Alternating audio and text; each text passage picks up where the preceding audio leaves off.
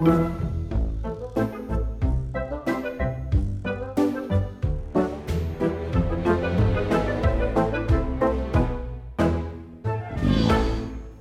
en welkom bij Het Is Wat Het Was, een podcast die draait rond cultuur, historische verhalen, anekdotes en feitjes die proberen verklaren waarom dingen vandaag zo zijn en misschien ook wel waren. Mijn naam is Maaike en... Ah shit, er staat weer. En met verlaagde audio-kwaliteit. En... ehm, Met verhoogde En audio. we gaan Met- herbeginnen. en met verhoogde audio-kwaliteit via de webcam zitten bij mij Claire Eline. Via de webcam? Via de webcam. Ah, jullie via de webcam is echt... Fucking hell. Goh, mooi dat je dat zo zien, maar... eh, Wat zeggen ze? Een goede voorbereiding is het halve werk. Ja, eh, vooral geen copy-paste doen. eh, dat is zo Dat ook is het leven. Mijn naam is Maaike en bij Misschien willen we mij, gewoon herbeginnen. bij mij zitten Claire Eline, de vrouw voor wie ik twee wekelijks epische lyriek neerpen, en Mark, het exportproduct uit de Denderstreek dat het woord dramatisch een nieuwe invulling geeft. Oké, dat is wel een van de betere. Ik vraag me ook af waarom dat ik stevast als exportproduct benoemd word. En je vindt dat erg, hè? Alsof ze mijn denderstreek niet willen of zo. Ik vind dat, ik vind dat- Of Nu juist dat als ze een beste meer? kwaliteit uitvoeren. of, of dat ze er echt heel veel geld voor vragen. omdat ja. het talent verloren gaat dan Ja. in de Denderstreek. Over die importtarieven in het, in het gebied buiten de denderstreek eh, is nog heel veel discussie. Eh, heb ik uit goede bron vernomen. Nou Toch ja, deze eh onzin terzijde. voilà. Hallo, Hey. hoe gaat Hey. het? Welkom back. Hoe gaan we deze aanpakken vandaag?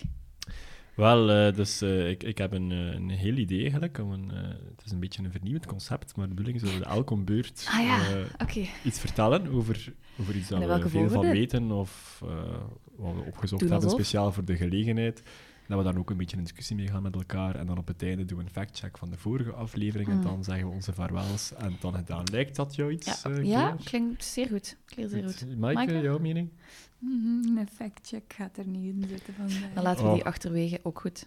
Dat zal Zo. voor de volgende zijn. We zijn zo al avontuurlijk genoeg. Wat is het thema voor vandaag, jongens? En wie heeft het thema gekozen? Ja, jij mocht de eer opstrekken. Bon, wat is het thema? Dus eh, de mensen kennen mij uiteraard als een gevoelige ziel. En ik mocht kiezen deze keer. Dus waarvoor kiest een Mark? Mark kiest voor poëzie. Jawel, geen grap. Poëzie. Dus eh, ik heb zelf nul poëtisch talent, anders had ik het aangekondigd met een eh, gedicht. Maar kijk, eh, Ik heb ooit al eens een gedicht voor jou geschreven. Hè? Oei. Ja. Maar meen jij dat nu, dat je dat zelfs niet meer weet? Het was een compleet collagegedicht uit alle beste eh, Nederlandstalige dichtkunsten. Er zat Guido Gezel in en alles. Wauw. Ik heb Ik dat moet dat inkaderen. een half Mark. jaar geleden voor u gemaakt. ik ben helemaal verbijsterd, maar ik zal je gedicht inlijsten.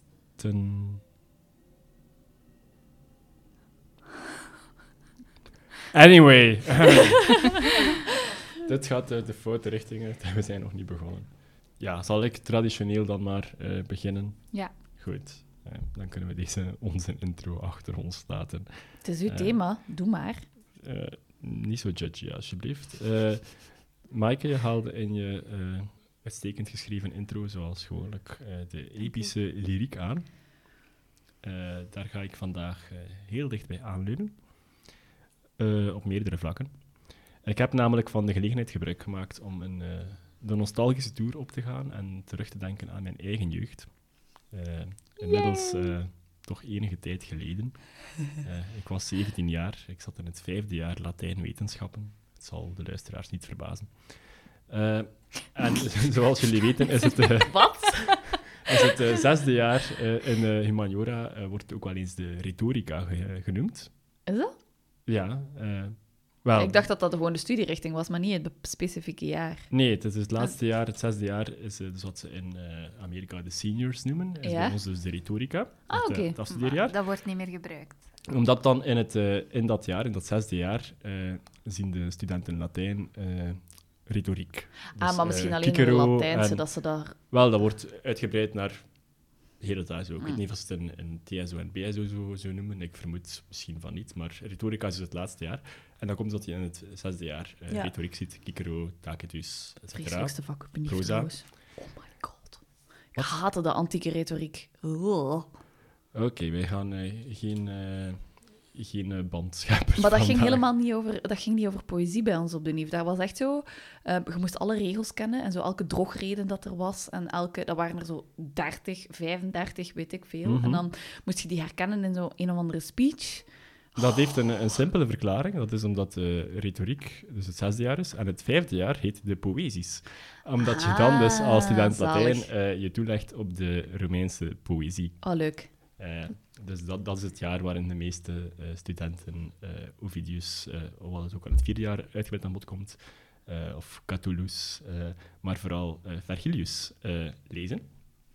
Zo ook ikzelf. En dus mijn vijfde jaar Latijn was echt een openbaring, eh, met dank aan een eh, compleet bezeten maniak van een leerkracht, uh, wiens naam ik nu niet ga noemen, maar voor wie ik het grootste respect, eh, en bewondering, eh, misschien zelfs eh, adoratie heb. Hola. Eh, en ja, ja, absoluut. Eh, ze bestaan, helden van Mark. Oké. Eh, Een nieuw thema. ja, dat is voor volgende, volgende, volgende keer. Het is like zo'n superhelder reeks of zo. volgende keer kunnen we daar eh, uitgebreid op doorgaan. Eh, maar dus die man eh, bracht mij op eh, lyrische wijze in contact met de Romeinse poëzie. Nu is het zo dat zijn favoriet credo was.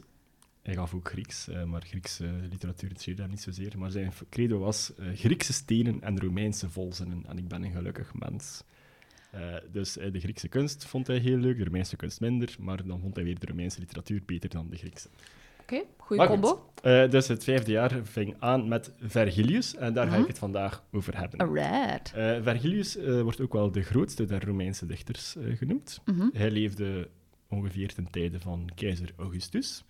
Eh, en dat is uiteraard een heel belangrijke periode in het Romeinse Rijk. En keizer Augustus had ook een grote invloed op zijn werk. En misschien ook wel omgekeerd. Er komen nog eh, herkenningspunten. Nu, eh, hij schreef eh, verschillende gedichten, maar eerst eh wou hij een, een retoricus worden. Dus een, een, dus een, Een redenaar, ja. een redenaar. Hè, ja. Maar daar bleek hij geen talent voor te hebben. Dat is ja, balen. hij was blijkbaar iets te, te verlegen. Ja, wat heeft een, een, een redenaar, is, is, daar niet, is daar niet zo goed in. En hij zag er ook niet goed uit, blijkbaar, wat dat ermee te maken heeft. En als Bart de Wever de grootste redenaar van onze tijd heeft, hoe, hoe belangrijk kan dat zijn?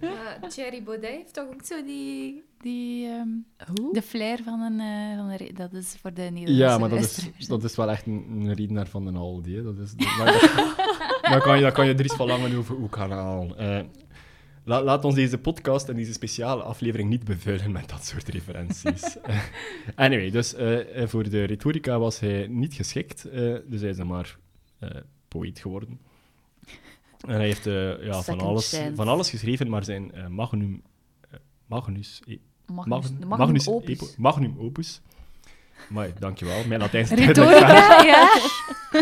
Mijn Latijn zit heel ver. Eh, moest, het u, moest u afvragen, ik heb speakbriefjes. Hij schreef de laatste tien jaar van zijn leven, van 29 tot 19 voor Christus, schreef hij onafgebroken aan zijn meesterwerk, eh, de Aeneis. Mhm. Eh, en wat is dat? Dat is eigenlijk een eh, werk dat hij schreef min of meer in opdracht van, of eh, met de goedkeuring van keizer Augustus. En het had de bedoeling om een, het Romeinse volk, die een nieuwe periode ingingen, een identiteit aan te, Mhm. aan te meten. Een soort nationaal volksverhaal. Ja. In de spirit van de, de Griekse epen, eh, Mhm. dan vooral Homeros, eh, de Ilias en de Odyssee. Ja. En de Aeneis is eigenlijk een vervolg op de Ilias. Oké. Eh, wie de film Troy gezien heeft, Ja. eh, zijnde iedereen die na 1990 geboren is, maar Geen smaak heeft. Ik vond dat geen goede film, maar dat te zijn. de extended edition is heel goed. Eh, Ah ja, 40 oké. minuten extra en, en er zit plots een verhaal in. Het is, Ah ja, eh, het is oké. ongelooflijk. Het is een echte metamorfose, als ik Alright. een eh, referentie naar een andere Romeinse dichter die ik al heb aangehaald mag gebruiken. Eh, nee, nee, dus de film Troje, helemaal op het einde, eh, geeft Paris het zwaard van Troje aan een eh, jonge man. eh, vraagt, hoe heet je? En hij zegt, Aeneas. En hij stikt dat zwaard in zijn hand hier. eh, Ja. If long as a Trojan carries the sword, uh, our people will always have a future, of zoiets. Eh, zo heel klef. Dat ze die gecast hebben voor die film. Ja. Eh, ik was toen net te jong. Eh, maar vertel het niet hoor. Anyway, dus Aeneas, Aeneas sorry, was een Trojaan. een zoon van Venus. Hola. Mhm. En dus over hem gaat de Aeneis. En eh, dus dat is een heldendicht, volledig eh, gemodelleerd naar de Ilias en de Odyssee, qua opbouw en eh, ook qua versvorm, daarover later meer. Waarin dus de omzwervingen van Aeneas besproken worden, die dus vlucht uit Troje met heel zijn gevolg. en dan via Carthago in Italië aankomt en daar eigenlijk de voorloper van Rome sticht. En het zijn dus, eh, hij is dus ook de stamvader van Romulus en Remus. Mm. En eh, heel toevallig ook van keizer Augustus. Want ja, Augustus was geadopteerd door eh, Julius Caesar van de gens Julia. En dat waren afstammelingen van Venus via Aeneas. Oké. Heel convenient, hè? Dat, eh, dat komt toch goed uit, zeg, dat de keizer toevallig een, eh, een, een goddelijke voorouder heeft en dat dan een dichter is eh, die dat allemaal op papier wil zetten, om dat wereldkundig te maken. Want ja, zulk blij nieuws kun je toch moeilijk voor jezelf houden, Ja. zelfs in die tijden. Dus daarover gaat dat gedicht. Wel, het is een heel lang gedicht, het zijn twaalf boeken. En dat is dus een soort mythologische voorstelling van de Romeinse voorgeschiedenis, waarin ook dus de rivaliteit tussen Rome en Carthago aan het licht komt, want Aeneas belandt in Carthago, waar hij de beroemde koningin Dido ontmoet. Eh, zij worden hartstochtelijk verliefd. Ah, vandaar het verhaal van Dido en Aeneas. Inderdaad, de opera is Ik gebaseerd op, het, eh, eh, op het heldendicht. Ja. White Flag van Dido. Eh, Ah. Ja, dat, dat zegt me dan weer niets, maar is, is dat, is, dat de rest toch van de, die sample uit Stan, hè? Van eh My tears have gone Ja, dat is zij. wondering Ja, ja. Ja. Ja, oké. Verder geen verband met eh, deze Dido. Dus Dido was koningin van eh, Carthago. Eh, zij en Aeneas werden hartstochtelijk verliefd op elkaar, maar Aeneas had een, een roeping van het fatum, van het lot, en koos uiteindelijk plichtsbewust voor die roeping ten nadele van de liefde, waarop Dido eh, zelfmoord pleegde en eh wraak zwoer, en dat hij dus eeuwig eh, Carthago en Rome rivalen zouden zijn. Eh, dat is, dat is gebeurd, inderdaad. Eh, Rome heeft die strijd gewonnen.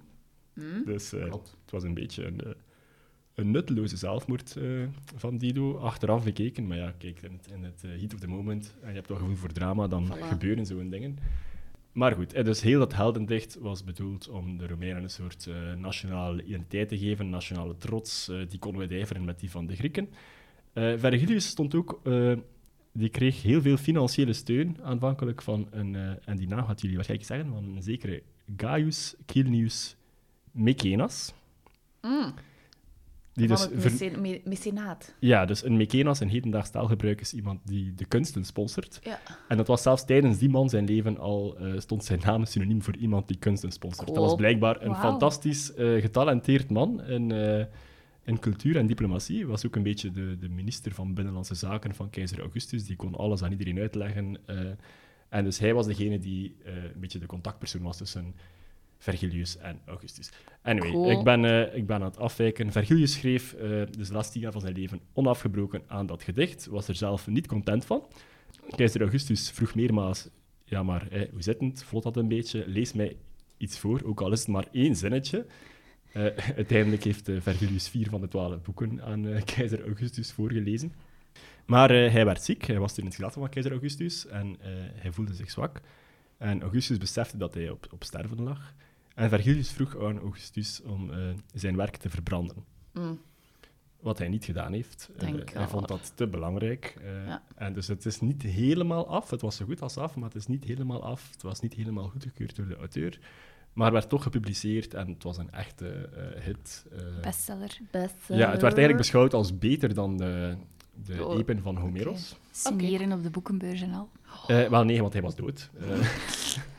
Dus dat was een beetje moeilijk. Ah ja, juist. Klein Dat is het probleem. Ja, inderdaad. Dat was het Ja. grote probleem. En eh, dus eh, in de eeuwen daarna, ook in, in de middeleeuwen, eh, als je een beetje studeerde, dan was dat eigenlijk een standaardtekst die je te lezen kreeg. God, En dus ook nu door. nog, in het, als je Latijn doet, dan is dat in het vijfde jaar, eh, gelijk welke school, gelijk welke leerkracht, Vergilius is de stapel, zoals Kiekerud dat is voor het, eh, het, het zesde jaar voor de retoriek. Mag ik even er tussendoor... ehm, welke boeken moesten jullie lezen op middelbaar? Allee, Heel het middelbaar. geen Voor het Latijn. Nederlands bedoel je? Ja, zoiets. Wij hadden een, een, een, een lijst waaruit we mochten kiezen. Ah, ja. Ja. En dat was echt een lijst met heel veel boeken. Eh, maar ik heb in samenspraak met de leerkracht dan nog voor een boek gekozen dat er niet op stond. Eh, als Ah we- ja. En in samenspraak met scholieren.com ook? Of, eh? Nee, nee, nee. Dus het was net om te vermijden. ik had eigenlijk... Dus er was een lijst en al die boeken zagen er redelijk lang en, en, en ja, ik zal Ah. niet zeggen saai, maar hm? dat stond toen niet op mijn prioriteitenlijst. Nog altijd niet echt eigenlijk. Maar kijk, ik was bezig met Latijnse gedichten, bedoel. tuurlijk. ieder zijn ding. Mhm. Nee, en dus cultuur. ik heb in samenspraak met de leerkracht, er stond een boek op de lijst van Gabriel Garcia Marquez, een auteur die Ja. ik heel erg goed vind, mijn Ja. favoriete auteur, eh, naast Vergilius, uiteraard. Ja, is wel goed. En, eh, maar het was niet 100 jaar eenzaamheid, het was eh, herinneringen aan mijn droeve hoeren. Eh, Oh. Maar dus in met de leerkracht heb ik eh 100 jaar eenzaamheid mogen lezen in de plaats, een veel dikker boek. En ook een boek dat ik toevallig het jaar ervoor had uitgelezen. Ah ja, oké, nice. Dat wist zij niet, natuurlijk. Wij moesten in zesde voor eh, Nederlands, eh, was er een lijst met auteurs. En dan moesten wij één auteur kiezen. En dan moest je verspreid over het hele jaar drie boeken lezen van dezelfde auteur. En dan aan het einde van het jaar een presentatie geven over die auteur. Oh, van dezelfde auteur. Als het Ja, dan was heel ding is. Eh, ja, dan mocht je in principe veranderen. Dus- Terug naar, eh, ja, Virgilius.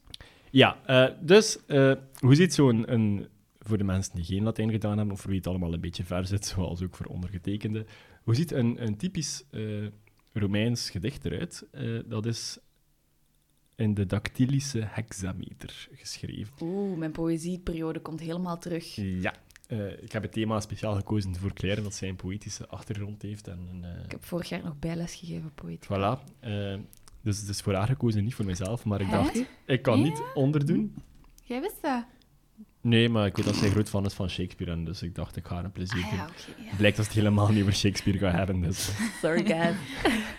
ja, je doet dan een no good deed goes unpunished. Hè. Nee, en de dactylische hexameter is de meest gebruikte versvoet eh, veruit van niet enkel de, de Romeinen, maar ook van de Grieken. De Ilias en Odyssee is er ook in geschreven. Mhm. Eh, de metamorfosen van eh, Ovidius ook. En het is eigenlijk dus een versvorm die bestaat uit zes voeten. En die voeten zijn dan eh, afhankelijk van de lettergrepen, is het ofwel een lange en een lange lettergreep, ofwel een lange en twee korte. Ja. Ja. Of een lange en een korte, maar dan enkel op het einde. Maar dat is eigenlijk hetzelfde als een lange en een lange. En dan is er één rustpauze per voet, afhankelijk van waar in zijn dat je dat wilt. En het draait dus helemaal niet rond, eh, rond zoals bij eh, veel van onze poëzie van tegenwoordig, rond rijmen of eh, dergelijke meer. Dat is, het gaat eerder om het ritme van Het het, ritme, ja. lezen en er kan er dus een, een, een, eerder vrolijke of een eerder melancholische toets aan geven. Mm. Ik zal het even illustreren. Een, een voorbeeld in het Nederlands van zo'n dactylische hexameter van op Wikipedia. Eh, en eh, toevallig verrassend geschikt voor de huidige situatie. Alhoewel, het is nog vroeg. Zou zijn: Geef me mijn hoed en mijn jas en mijn tas, want ik ga me bedrinken. Mm. Dat is één vers van de zes voeten in zo'n dactylische hexameter. En dat is dus altijd een korte, eh, een lange, twee korte, een lange, twee korte, een lange, twee korte, een lange, twee korte, een lange, twee korte en dan een lange, kort op het einde. Dat Dus, zijn ze van die versen waar dat wij vroeger op moesten wandelen in de les. Als ja, dat is heel ritmisch, hè? Dus, Dan moest je daar zo op gaan rondwandelen. Als wij toneel hadden of zo, een dan moesten we dat ook en mijn doen. jas en mijn tas, want ik ga me bedrinken. En dat is... Ja. Ik weet Ja, niet hoe dat die klemtonen... gelopen. Ja, dus de klemtonen liggen dan in het Nederlands altijd daarop, of dat in het Latijns is, is een beetje onzeker. Het kan de klemtonen wel anders slagen, maar dat is heel moeilijk voor ons om dat dan Ja, natuurlijk, staat er Eh, niet bij. Te correct na te, ja, te reconstrueren of correct na te bootsen, want dat totaal niet in onze natuur van onze taal ligt. Maar ik dacht, eh, om het toch even nog een niveautje hoger te tellen, zal ik even de eerste 7 à 10 versen, de aanhef van de Ik ben benieuwd. Eh, moest je de, de Ilias en Odyssee kennen, de, de eerste vers eh, roept de dichter aan de goden om hem te vertellen over de wrok van Achilles. Eh, waardoor dus heel Trojaanse oorlog compleet ontspoort. Ja. Vergilius doet eigenlijk iets soortgelijk. Hij ook roept de muzen aan om hem te vertellen over de reizen van Aeneas. Ik zal eerst het Latijn voordragen, naar het beste van mijn mogelijkheden. En daarna zal ik misschien ook de vertaling meegeven voor de, de mensen met wie dat niet spontaan eh, lukt in het hoofd om te vertalen. eh, ja. Oké. Wie zijn ze, wat doen ze? Nee, nee, oké. Eh, Arma virumque cano, Troiae qui primus aporis, Italiam fato profegus, Lavinia que venit, litora. Vrij vertaald. is arma virumco cano, is de wapenfeiten en de man bezing ik, die als eerste van de kusten van Troje naar Italië ging. Namelijk de Lavinische kusten, gedreven door het lot. Het fatum, het, het noodlot. Hè. Dus dat is niet zomaar het lot, maar een, een soort roeping die je niet kan te keer doen. Hij is veel heen en weer geslingerd op de aarde en op de volle zee door de macht van de goden, wegens de indachtige woede van de woedende Juno. Heeft hij ook veel verdragen door oorlog, totdat hij een stad stichtte en de goden binnendroeg in Latium. Vandaar kwam het volk van Latium en de voorouders van Alba en de muren van het hoge Rome. En dan het volgende roept hij de muzen aan om hem te vertellen waarom Juno zo boos was op Aeneas. Oké. Heel het, eh, de Aeneas draait eigenlijk rond Juno, die Aeneas de hele tijd tegenwerkt om zijn bestemming te bereiken. Wat dus overeenkomt met ook eh, Odysseus, die heel zijn reis naar huis wordt Ja, tegengewerkt door eh, Poseidon, als ik mij niet Ja. vergis. Eh, dus dat is echt, het, het spiegelt heel hard aan elkaar. Ja.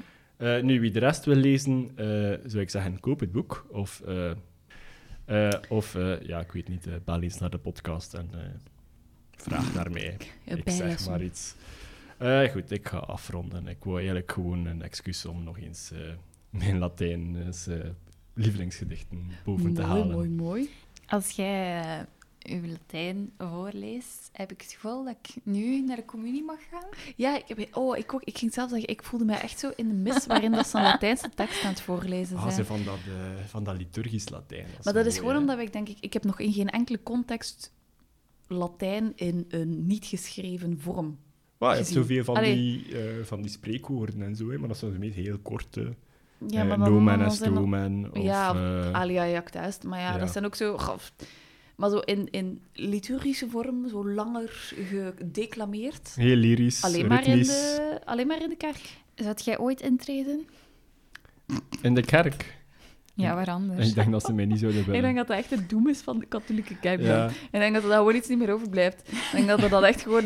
Ja, Eh, Ik denk dat dat ze eh, legit een paternoster naar mijn hoofd zouden schrijven in de hoop dat En dan... wijwater? Ja, Ja, in de hoop dat, dat, dat ik dan, ik weet niet, opga in rook of zoiets. Nee, Is dat niet met water? eh, laat ons die doos van Pandora niet openen. Ik ben eh, blij in het eh, lekenleven. Lekker gelaïciseerd. Goed, ik ga afronden. Nu kan ik schaamteloos wijn drinken terwijl jij babbelt. jij. Eh, ik zal het stil proberen, dat de micro het niet oppikt. Mijn, mijn stukje gaat een beetje verder in de tijd. Ehm, het is geen Shakespeare. Het is wel ongeveer gelijk... Wow, ongeveer gelijktijdig. Zelfde eeuw. Ja, dit was wel je kans. Hè? Ik bedoel, Ja, ik weet het, die maar ga je nooit is... meer krijgen. Er- er, is al zoveel gebabbeld over Shakespeare en die mens... Goh, weet je... Ja, die heeft goed theater geschreven en hij is awesome. Maar daar blijft het dan ook bij. Weet wel? Dus nee, ik heb het een beetje... ehm, hoe zal ik zeggen? Een mysterieuzer aangepakt. Heb je ehm, eh, gehoord van de jonge heer Nostradamus? Ja. Zaal, hè? Ik wist daar dus bijna niet van. Ik Ik, kende die eh, naam. De, de, de band eh, Judas Priest, eh een van mijn favoriete bands, heeft een heel album aan die man gewijd. Zalen, hè? In 2008. Het is een... het is een, Jij hebt het gezien, jij niet. het is een, een- Sorry, ik heb het niet gezien. Hè. Ik kreeg even een ril. Die is gewoon echt lekker alsof die geëlektrocuteerd werd. Zo.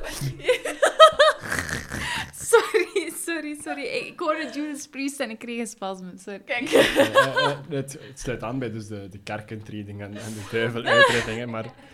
Ja. Nee, ze heeft een heel album geschreven over, over Nostradamus, een dubbel album 2008. eh, bij de fans niet zo goed onthaald, maar ik vind het eigenlijk een schitterend album. Eh, het is een metal opera. Cool. Super cool. Ja, wel van toepassing. Want die mens is gelijk mega awesome. En zijn... zijn allee, awesome. Wat dat hij schrijft is zo van de pot gerukt en wordt door zoveel mensen gebruikt dat het hilarisch is. Ah, love it. In elk geval, de heer in kwestie ehm, werd geboren in 1503 als Michel de Nostredame. Beetje zoals de Notre Dame, maar dan anders. En hij heeft daar Nostradamus van gemaakt voor zijn eh uitgaves. Eerlijkheidshalve moet ik er ook aan toevoegen dat zijn leven niet bepaald succesvol is geweest. Ehm, behalve dat hij dus na zijn dood gigantisch veel gekookt is. Maar op een liefdesleven enzovoort. Eh, hij is Er geboren... is meer in het leven dan enkel liefde, hè, Claire? Ja, maar meestal zorgt dat wel voor de juicy details. Eh, wel, ja, die ga je ons ongetwijfeld bezorgen over Laten we hopen, Nostradamus. De Ondanks jonge zijn heer, gebrek aan een liefdesleven, blijkbaar. eh, hij is geboren in, in Frankrijk, uiteraard. Het speelt zich ook allemaal af in Frankrijk. Dus zijn publicaties ook. En zo is eigenlijk het Frans. Deels Frans, deels Latijn, deels Grieks en deels onleesbaar. Ehm, Dat is geen taal, hè? Onleesbaar. ja, Behalve Maar- de Denderstreek. Dat bedoeling. Sst. Switcht het tussen talen of is het Ja. één, één mengvorm van Het is een van mengvorm. alles? Eh, zijn hele, allee, het, het werk dat ik straks ga bespreken is eigenlijk geschreven in alle verschillende talen, omdat het de inquisitie voor wou zijn. Waardoor dat wat dat geïnterp- allee, de interpretatie is daardoor zodanig breed, zodat ze hem ook niet effectief kunnen beschuldigen van bepaalde. Slim. Laat ze dat- denken dat je gewoon compleet doorgedraaid zit in plaats van een ketter. Exact, voilà. Ehm, straks daarover meer. Eh, hij wordt geboren in een gigantisch gezin. Er zouden tenminste negen kinderen geweest zijn. Dus hij zou Dat in- valt toch wel mee. Tenminste. Het maximum gaat tot 26. Dus ergens tussen de 9 en 26. Ehm, Maar ja, dat zijn ook niet iedereen, niet elk kind overleeft het tot op... Nee, volwassen voilà. leeftijd. maar daarom dat er ook zo wat vaag is. We spreken over 1503. Niet alle registers waren zo up-to-date. Maar ook daar weer zijn alle bronnen een beetje heel erg Was er toen al uiteenlopend. commentaar op de ambtenarij? Hè? Zijn, eh, zijn moeder was Joodse, eh, maar zijn vader heeft hem bekeerd, heeft zich bekeerd naar het katholicisme. Maar het feit dat zijn moeder Joods is, zal hem nog even wat eh, vervelende zaken opleveren, want hij gaat op een bepaald moment moeten gaan rondzwerven, omdat hij ja, van bepaalde dingen werd beschuldigd. Nu, eh, op zich, die mens, zijn leven als kind is ja, doorsnee, maar hij kan wel gaan studeren op zijn vijftiende. Is niet echt doorsnee, hè? Ah, wel. Je zou denken, hè, dwangarbeid, Ja, pest. Maar blijkbaar had, hij had zijn vader wel wat, pardon, wat geld verdiend als graanhandelaar en notaris. Dus hij heeft, die vader is dan uiteindelijk notaris geworden en heeft daar dan blijkbaar mee de opleiding van zijn zoon eh, bekostigd. Hij is gaan studeren in Avignon, maar daar is op een bepaald moment de zwarte dood uitgebroken, waardoor de universiteit werd gesloten.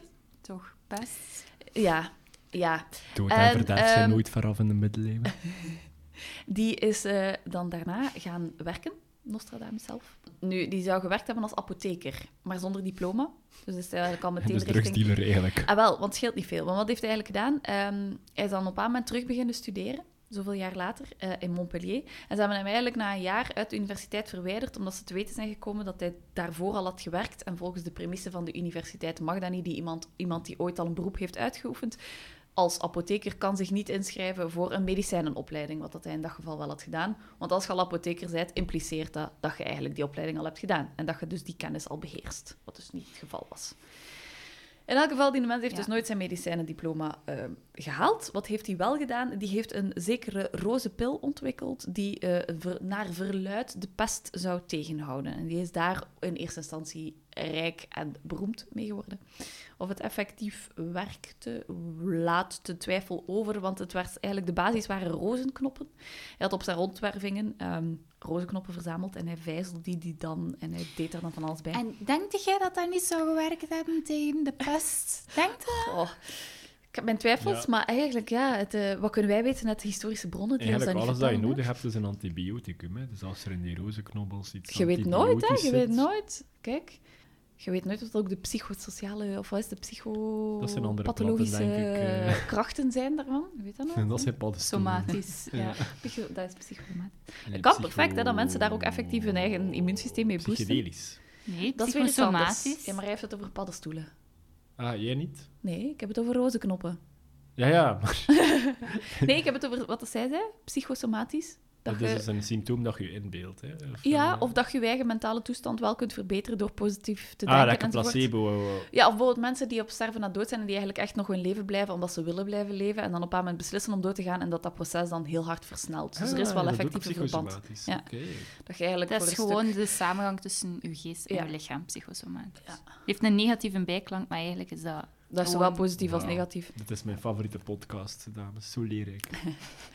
Nu, die mens, geen diploma, maar hij besluit toch op, als, als apotheker door het leven te gaan. Eh, hij verovert daar ook een zekere jonge dame mee. Hij gaat daarmee trouwen. Hij krijgt daar twee kinderen mee, maar die sterven alle drie uiteraard aan de pest. Alle drie? Ja. De vrouw? De vrouw en de kinderen. Ah, ja, oké. Ik was ook aan het... eh, Hij krijgt twee kinderen met die vrouw en ze overlijden. Ik dacht, waar komt dit daar, dat derde kind vandaan? De vrouw en twee dochters. Nee, sorry hoor. Eh, helemaal oké. Voilà, hij gaat terug rondreizen, want hij heeft geen gezin. Hij gaat op een bepaald moment iemand nieuw leren kennen. Hij gaat daarmee trouwen en dan krijgt hij daar wel dochters en zo mee, enzovoort. En nu, waarom is Nostradamus dan wel bekend? Hij heeft op een moment een boek uitgegeven. zei toch, het niet interessant is zijn persoonlijk leven. Maar je zegt dat niet, maar hij is twee keer getrouwd en hij heeft ik weet niet wat kinderen gehad en hij vond dat geen succes. Goh ja. Ik Ja. denk dat heel veel luisteraars momenteel aangesproken voelen Ja. Mark Sorry. voelt zich vooral aangesproken. Ja, precies. Nee, Het spijt mij zeer. Het spijt mij Ik zeer als ik hiermee iemand... ehm, maar dus voor alle gescheiden luisteraars, eh ligt niet aan jullie, het is al zo oud als... Oei, maar dat, dat zat zelfs niet eens in mijn hoofd. Nee, oké. dat van mij ook Weet u, hè? Of- ah ja, ah, wel, het was niet gescheiden, hè? Dus scheiden door de dood. Oké, oké. Sorry voor mijn oordeel. Hm? Ehm, En op deze vrolijke noot van een compleet uitgestorven gezin gaan we verder. Oké, alright. Nostradamus is bekend geworden om een publicatie die hij heeft gedaan. Anders zou het niet het thema poëzie zijn. Hij heeft meerdere dingen geschreven, maar alles gaat eigenlijk altijd over ehm, voorspellingen. Hoe zou dat in zijn werk gegaan zijn? Hij zou een kamer hebben gehad waarin hij eigenlijk eh, etherische oliën liet verbranden om in een soort trance te geraken. In die trance schreef hij dan kernwoorden op. En die kernwoorden koppelde hij dan, als hij terug on this earth was, met astrologische eh, data en voorspellingen. Om eigenlijk de voorspellingen en de kernwoorden wat dat hij die trance had ervaren, om die te koppelen aan ook effectieve data die hij had gezien. Dus hij zag dan in zijn trance bijvoorbeeld bepaalde constellaties van de sterren en hij berekende dan welke dag dat, dat was. En dan werd hij daarop... Ja, dat was zijn, zijn basis voor eh, zijn voorspellingen. Nu, in het begin ging dat over bijvoorbeeld weersvoorspellingen. Dan gaat het regenen, dan gaat het een nieuw seizoen worden, dat gaat een goede oogst worden enzovoort. Wat dat op zich allemaal wel enige vorm van valabiliteit kon hebben. Het is dat ofwel zit het erop ofwel niet. Ah, voilà, kijk. Nu, waarom is hij dan echt bekend geworden, ehm, is zijn publicatie. Waarin dat hij echt begint met zijn voorspellingen. En dat zijn de centurieën eh, uit de Le Prophétie. Le Prophétie is het werk en daarin zitten verschillende centurieën. En die centurieën, ik spreek dat zo uit, ik weet niet of dat juist is. eh, dat zijn eigenlijk de verschillende voorspellingen over verschillende jaartallen. Het werk zelf, Le Prophétie, is dus geschreven in het Frans, Latijn, Grieks en iets onleesbaar omdat hij dus niet wou dat de mij, allee, dat, dat, de, sorry, dat, de, dat hij als ketter kon bestempeld worden door de Inquisitie. En men vermoedde dat hij hem hun voor wou zijn door ja, het semi-onleesbaar te houden. Nu, dat zorgt er ook voor dat het voor ongelooflijk interpretatie vatbaar is. Nu, wat is er gebeurd? Zijn werk is geschreven in versvorm ABAB. En altijd per vier regels. En elke vier regels was eigenlijk een soort voorspelling. Die worden allemaal verzameld eh, in verschillende, ja, dus per vier. En elke voorspelling gaat ofwel over een jaartal, ofwel over een gebeurtenis, ofwel over een plaats of zo. Dus er is meestal wel iets dat enigszins, ehm, hoe zou ik zeggen, iets concreet in zich Er draagt. zijn aanknopingspunten. Sort of. Sort of. Er staan vaak jaartallen in. Maar dat is dan ook weer zo... Ja, een jaartal... Ook voor interpretatie vatbaar, want hij schreef ze vaak in, in, in allerlei onleesbare tekens. En dan maakte ze er bijvoorbeeld Romeinse cijfers van. Maar dan achteraf bleken dat dan ook niet altijd Romeinse cijfers te zijn. En dan zo... Ja, en Het is een beetje zo- zoals de opgave in een belspelletje, van hoeveel, hoeveel drieën tel je? Ja, voilà. Dan heb je ook 30 verschillende antwoorden. Voilà. Ehm, nu, hij heeft dat geschreven, dat boek, in 1555, en dat is ingeslagen als een bom. Mega veel mensen zijn dat beginnen lezen en hebben die verhalen, of die, die kwatrijnen die daarin staan, ook effectief als waar aangenomen. Onder andere Catharina de Medici. En Catharina de Medici was op dat moment de gemalin van Hendrik II, de koning. En zij heeft hem zelfs tot hof... eh, eh, hoe heet dat? Hofpoëet of hofziener. Allee, hij werd van alles. Hij werd schrijver, hij werd poëet, hij werd de, de, voors, allee, de voorspeller, hoe noem je dat? Waarzegger, soort of, ja. De vizier. Ja, Ish. zo, het was zijn taak om eigenlijk de Ja, toekomst meer, van bijvoorbeeld ja. haar kinderen te voorspellen. Dat vroeg ze dan aan hem. Van, De hofkwakzalver. Sort of, exact. Ehm, De nu, hofcharlatan. hij is daar wel rijk mee geworden. Waarom? Eigenlijk is ermee begonnen dat zij was er direct van. Zij had helemaal zoiets, ja, mega cool. Maar haar vent, Hendrik II, had het er niet zo voor. Ehm, tot hij een bepaalde voorspelling doet in zijn eh Le Prophétie, die uiteindelijk blijkt uit te komen en die van toepassing was op Hen- eh, Hendrik II. Wat is de voorspelling? Ehm, Ja, wat is ze? Oké, Ik ben dat wel uit. Wat staat er? Het is in het Nederlands vertaald en de Nederlandse versie rijmt niet. Normaal gezien het Frans rijmt het wel, anders zou het geen poëzie Lees het eerst zijn. in het Frans, zoals ik. Nee, want het is in het oud-Frans en daar kan ik echt al helemaal geen hol van. Allee, bonjour, la déchance, s'il vous plaît. Ja, noemde jij dat oud-Frans, jong? Dat is Hollands Frans. Oké. Close enough. Ehm, hmm, hmm. Oké, wat staat er? De jonge leeuw zal de oude overwinnen op het krijgsveld van een enkelvoudig duel. In een kooi van goud worden zijn ogen doorboord. Twee, kassen, één zal, twee klassen, één zal een vrede dood sterven. Ah ja, nee, ik heb er ooit een film van gezien, nu weet ik het. Wat gebeurt er nu effectief met Hendrik II? Op een bepaald moment zal er een wedstrijd worden georganiseerd, een toernooi, zoals dat gaat, ehm, voor een of andere welgestelde dude die een feestje geeft. En eh, ze nodigen uit aan eh, koning Hendrik II om mee te doen. De uitdager is een zekere jonge kapitein, Montgomery. Ehm, die kende de voorspellingen uit de... Montgomery, Ja. een Engelsman. Ja. Mon- Montgomery. Of Montgomery. Ik zeg Montgomery, Montgomery. dat zo... Maar, of Montgomery. Montgomery. Montgomery, eh, Nee, want het was een Schotse kapitein, dus dat was wel degelijk Montgomery. dan. Ja. Kijk, Mac Ehm, Montgomery. hij kende die voorspelling en hij heeft eigenlijk gevraagd aan de koning om het af te gelasten. En de koning zei, nee, ik ga bewijzen dat die voorspellingen er niet toe doen. Omdat hij dan een beetje... Hij vond dat heel irritant als zijn vrouw daar zo... eh. Ehm, in elk geval, ze doen deze wedstrijd... ehm, het is zo een wedstrijd als ze op een paard zitten en zo'n lange lans hebben. Ze moeten elkaar Een met een lans... Een steekspel, dat dus. Kijk, voilà. Mhm. Eh, jij zet heel duidelijk ingelezen. De eerste twee pogingen krijgt geen een van de twee de andere van het paard. Nu, wat gebeurt er bij de derde poging? De lans van Montgomery breekt tegen de helm van de koning. Nu, die koning had een gouden harnas aan. En die lans breekt en een splinter gaat door het oog van de koning zijn hersenen in. En dat zal tien dagen later sterven aan ontstekingen enzovoort. Waarom wordt dat dan gelinkt aan die voorspelling? Er staat, de jonge leeuw zal de oude overwinnen. Beiden hadden een leeuw op hun wapenschild. Zowel Montgomery als Hendrik II. Op het krijgsveld van een enkelvoudig duel. Enkelvoudig, één tegen één. In een kooi van goud worden zijn ogen doorboord.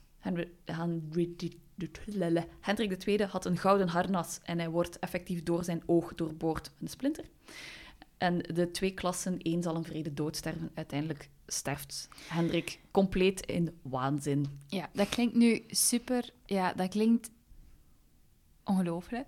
Mm. In alle zin van het woord. Mm. Maar doodgaan in de z- 16e eeuw Mm. is eh, vrij veel voorkomend. Ook, ook nu zelfs. Klopt. Dus Je Ja, zou maar het bijna zeggen dat de bijna details, hè? iedereen van ons uiteindelijk overkomt. Hè? ja, maar ja, ook een, een leeuw, dat is gewoon een... Is dat geen koninklijk... Nee, niet per se. Elk wapenschild heeft Allee, een ja, ander ook hè. lelies in... in ja, wat- Le fleur de lis. Ja, dat zijn de lelies. ik weet niet vanaf wanneer dat, gewaad. dat in Frankrijk Die tijd, in dat al van is. Ja, maar ja, bon, dus dat gebeurt en mensen hebben echt zoiets... Oh, die heeft dat voorspeld. Oh nee. En die zijn dat boek compleet beginnen stu- bestuderen van A tot Z om alles in de komende toekomst te kunnen weten en te voorkomen. Wat dat er dus ook toe heeft geleid dat er heel veel mensen acties hebben ondernomen op basis van wat dat hij had gezegd. En waar dat dan bijvoorbeeld ook achteraf het alsnog is uitgekomen, maar in andere contexten. Maar maar dat zijn vaak dingen die niet te vermijden zijn. Als er een vete is tussen twee koningen of tussen twee volkeren, is het logisch dat er vroeg of laat doden vallen, zeker in die periode. Dat is dan ook een heel vaak weer keer een thema, dus dat iemand een bepaald eh, voorspelling of een orakel te horen krijgt en dan heel zijn leven spendeert aan het proberen eh, Ja, ontlopen daarvan. voorkomen of ontlopen daarvan. En dat uiteindelijk door die poging om het te ontlopen, het orakel toch uit... Allee, Dus Oedipus ook, denk hè? Oedipus, Ja. eh, Klopt. ja, eigenlijk alles. Hè. Als, je, als je een orakel hoort en je denkt van, oh nee, ik ga dat verhinderen, Ja. dat lukt niet. Voilà. Het fatum grijpt ons allen. Eh, Dus moraal van het verhaal, niet naar oudheid, naar gekke vrouwen luisteren die boven een dampend vat... eh, ja, dit is een man, dus... Ja, maar eh, in de oudheid. Maar, Ah, ja, zo, ja. Hij zou ook de atoombommen eh, voorspeld hebben op Hiroshima en Nagasaki. Daar zou Met- gestaan hebben. Steden. Dicht, wacht, dicht bij de havens. En in twee de- steden zullen twee plagen zijn. En nooit werd iets dergelijks aanschouwd. Honger en pest daarbinnen, buiten worden zij met geweld verdreven. Zij roepen om hulp tot de grote onsterfelijke god. En jij denkt... Beetje vaag, hè? Jij denkt, dat is, het is ervoor sowieso. geschreven. Ja, ja, tuurlijk. Hij zou ook de aanslagen op 11 september 2001 voorspeld hebben. En voor diezelfde gebeurtenis zijn er twee hij? Voorspellingen. Een vogel vliegt tegen de kerktoren. Ah, wel, er zijn dus... tw- er zijn twee versen die naar dezelfde gebeurtenis zouden verwijzen. Eh, de eerste is: Op 45 graden zal de hemel verbranden. Het vuur nadert de grote nieuwe stad. Op hetzelfde moment leidt een grote, machtige vlam op. Als men de Noormannen op de proef probeert te stellen. Waarom zou dat gaan over 9-11? Omdat New York ligt niet ver van 45 graden noorderbreedte. Vandaar de op 45 graden zal de hemel verbranden. Oké, ja, sure. oké. Oké, en de tweede versie over dezelfde gebeurtenis is... Nee, nee, ehm, nee, wacht, wacht. Eerst de Noormannen? Ja, die vind ik daar niet relevant aan, dus dat mag Nee, want die zijn duizend jaar gewoon- eerder naar Amerika gegaan. Ja, maar ja, in principe Al dan niet. kun je dan wie weet de Amerikanen wel linken aan de Noormannen enzovoort. Allee. U ziet, hè? Het tweede wat daarover zou gaan, ehm, is in het jaar 1999 en zeven maanden. Wacht, dat klopt dan Wacht, maar zeg eens. daarover. In het, jaar negen- eh, in het jaar 1999 en zeven maanden Mhm. Ja, we waren er al. zal uit de hemel een grote koning der verschrikking komen, om de grote koning van Anglemois uit de dood op te wekken. Ervoor en erna zal Mars in geluk regeren. Zure regen. Dat is mijn gok. Maar vooral ook, het jaartal klopt niet. Dus wat zeggen degenen die dit dan interpreteren? Ah, maar dat is een anagram. 1999 staat eigenlijk voor 9111. Wat dat dan 9-11-2001 is. Ah, ik dacht de kalender is verkeerd. De schrikkeljaren vergeten tellen of zoiets. Maar even, is er iemand op een of ander internetforum op het wereldwijde web die daar serieus mee bezig is Ja. met dat... Ja. Is Lange mensen. Frans ermee bezig? Er is, er is altijd iemand, Mike. Het is echt, maar echt hallucinant. Zijn, dat is een van de meest vertaalde werken en wereldwijd verkochte werken. Hè? Maar ik kan, nu, ik kan me echt wel voorstellen dat mensen door algoritmes op internet enzovoort en door... Ja, ik kan mij echt voorstellen dat je in het kluwen van conspiracy theories gegrepen wordt. Maar om serieus te gaan geloven dat een of andere Fransoos in de 16e eeuw 9-11 heeft voorspeld... Ja, Excuseer. Dat is mijn voorspelling beter hè, van het vogeltje in de kerk te horen. Ja, ik vond dat goed gedaan. Ik ga een boek schrijven, de voorspellingen van Mark uit de Denderstreek. ja. Je moet eerst nog leren, eh, leren schrijven en lezen, denk ik. Voilà. Ehm, hij zou ook Hitler die Polen binnenvalt voorspeld hebben. Wat gaat als volgt. De vrijheid zal niet herkregen worden wanneer de zaak van de brug gesloten is. Door Hister wordt de republiek door Venetië vertorend. En Hister zou dan de naam geweest zijn voor Hitler. Maar Nee. Terwijl dat Hister verwijst naar de Donau. Maar bon, interpretatie. Maar die mens is dus echt aan elke historische gebeurtenis gekoppeld. Hè? Goed, eh, mag ik alle mensen eh, die Nostradamus serieus nemen oproepen om eh, zich in te schrijven aan de Universiteit Gent en dan vooral het vak wijsbegeerte, de lessen voilà. van Johan Braakman, kritisch denken. Eh, niet mijn favoriete prof, leuke prof, niet mijn favoriete prof, maar hij heeft daar heel mooie lessen over. over eh, Maar iedereen gaat dood. Dus Nostradamus ook. heeft hij dat zal jicht ontwikkelen. Correct. Hij heeft wel... ja. Morgen zal ik sterven, ja, hij heeft dat echt gezegd. hij op zijn sterfbed. Eh, hij zou effectief gezegd hebben... Morgen ben ik dood. Terwijl dat hij de dag daarna nog springlevend was. En s ochtends hebben ze hem doodgevonden. En het was geen Dus zelfmoord. twee dagen Nee. daarachter was hij dood. Nee, de dag daarna. De dag voorop. eh, Dus hij heeft, aan, eh, hij heeft op 1 juli verteld aan zijn secretaris dat hij hem bij zonsopgang niet meer levend aan zou treffen. En ja, op de ochtend van 2 juli was hij dood. Dus het klopt met andere woorden. Wel, als het eh, echt gezegd heeft. Hij, wil, hij, werd ook, eh, hij wou ook dat hij eh, rechtop werd begraven, want hij wou niet dat mensen die hem verachten en die het niet eens waren met zijn profetieën, bovenop hem zouden kunnen staan in de kerk. Dus hij wou dat hij rechtop in de muur werd begraven, zoveel mogelijk. Nu, dat ging niet, maar ze hebben hem wel rechtop in de kelder, allee, in de vloer van de, van de kerk gestoken. Dus iedereen zat op, stond op hem nog altijd. Ja, maar dus minder oppervlakte waar dat je op kunt gaan staan. Ehm, zijn graf is twee keer verplaatst. Eh, ja, Verticaal mag ik hopen. nee, daarna horizontaal. Maar kijk, dat was onze jonge heer Nostradamus.